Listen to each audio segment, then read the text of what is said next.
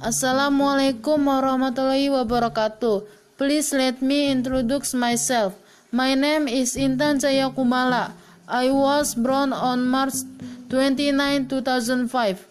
I come from Jakarta, but now I live in Payakumbu and my uh, address is on Jalan Ampagadang 7 Koto Talago. I love is listening the music, making songs, and I love reading book. My father works as an entrepreneur.